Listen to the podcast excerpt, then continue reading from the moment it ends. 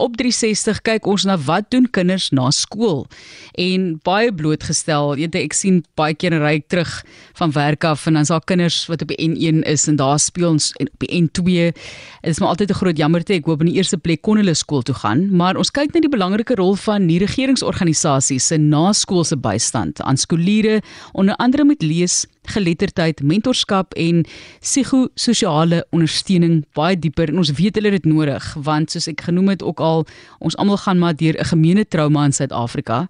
Ons praat nie van COVID nie, ons praat van al die dinge wat mense lees en ervaar. Shalien Petersen Vos is in die ateljee en sy is die spesiale projekbestuurder vir The Learning Trust en dit is 'n vennoot in die Lights On after school beweging. Dis 'n mooi naam daarvoor. Baie welkom. Baie baie dankie Matlies. Kom ons kyk net na die kwessie op 'n makrovlak. Wat is die groot uitdaging van kinders wat nie 'n veilige hawe het of dan selfs 'n plek het wat hulle stimuleer? In die eerste plek wil ek net hê hulle moet veilig wees na skool. Ja. Maar dan soek 'n mens dan ook 'n plek wat vir hulle help met hulle naskoolwerk en waar hulle byvoorbeeld hulle self kan verbeter. Ja.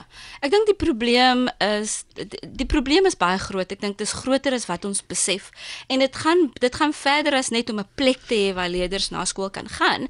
Maar as jy kyk na wat gebeur in ons in ons onderwysstelsel op die oomblik, um 50-60% van ons leerders wat graad R begin, hulle kom nooit by matriek uit nie. So ons het hierdie mooi hoë matriek uitslaa van 80%, maar ons praat nie van daai leerders wat glad nie ondersteuning gebied is nie, wat groot leerversperrings ervaar en wat op die einde van die dag amper uit ons onderwysstelsel uitgestoot word omdat hulle net die ons die ondersteuning kry nie. So hierdie nie-regeringsorganisasies wat ons mee werk en ek praat van 50 60, daar's vele reg oor die land. Ek dink hulle hulle bied ondersteuning wat nie in die klaskamer vir leerders gegee kan word nie. En waar ons regering ongelukkig um, in, in baie opsigte ons leerders faal. En so die probleem is verskriklik groot as ons kyk na die klasse is verskriklik groot. 'n Onderwyser, een onderwyser met 50, 60, 70 leerders het ons al in baie gevalle gesien. Dit's net nie tyd nie. Die druk wat ons onderwysers onder verkeer en die feit dat ons hoor um, dat daar tekort aan onderwysers is op die oomblik. Ja. Um, ek meen ons het gister gehoor wat die minister sê. Uh, die budgets word gesny.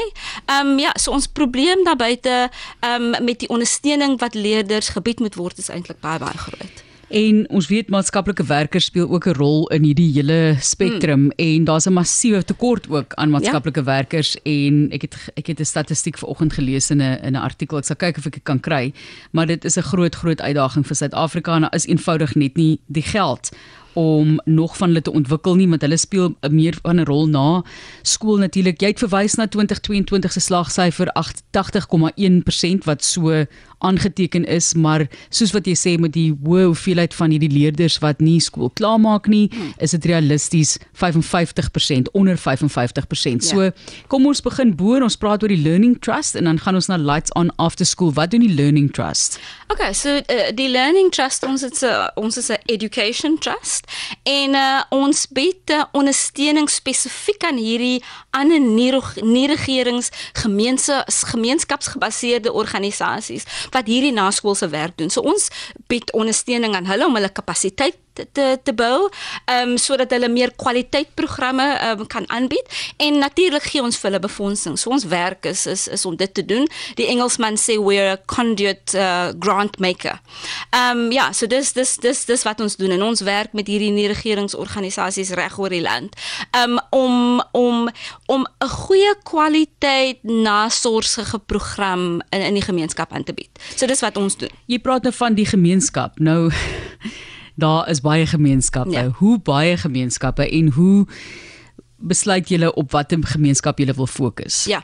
Uh, ons ons fokus is op on, ons fokus is spesifiek op klein en en en Engels sê hulle emerging organisations wat nie die infrastruktuur het nie, wat nie die geld het nie, wat uh, nie noodwendig uh uh jy weet they don't have all their ducks in a row.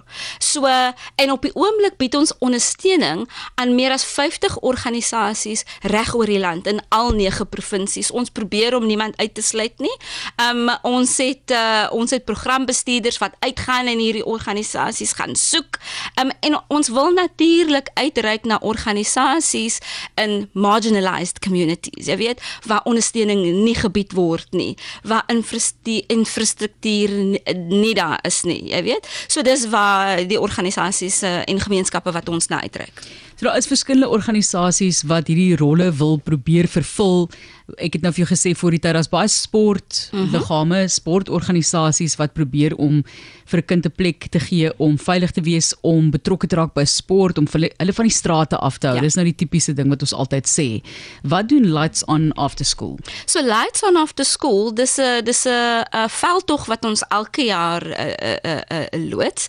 Uh, um, en dis regtig net om die lig te bring op hierdie naskool skool se werk. Op die organisasies en ons pleit is uit na ouers en onderwysers, skole, organisasies, ehm um, ehm um, jy weet donateurs um, en ook die regering om om regtig erkenning te gee aan hierdie ons sê the forgotten sector aan hierdie groep mense wat wat wat hierdie wonderlike werk doen. Natuurlik ook 'n pleit aan enige persoon wat sê, ehm um, jy weet, ek het ervaring, jy hoef nie 'n onderwyser te wees nie, but any professional.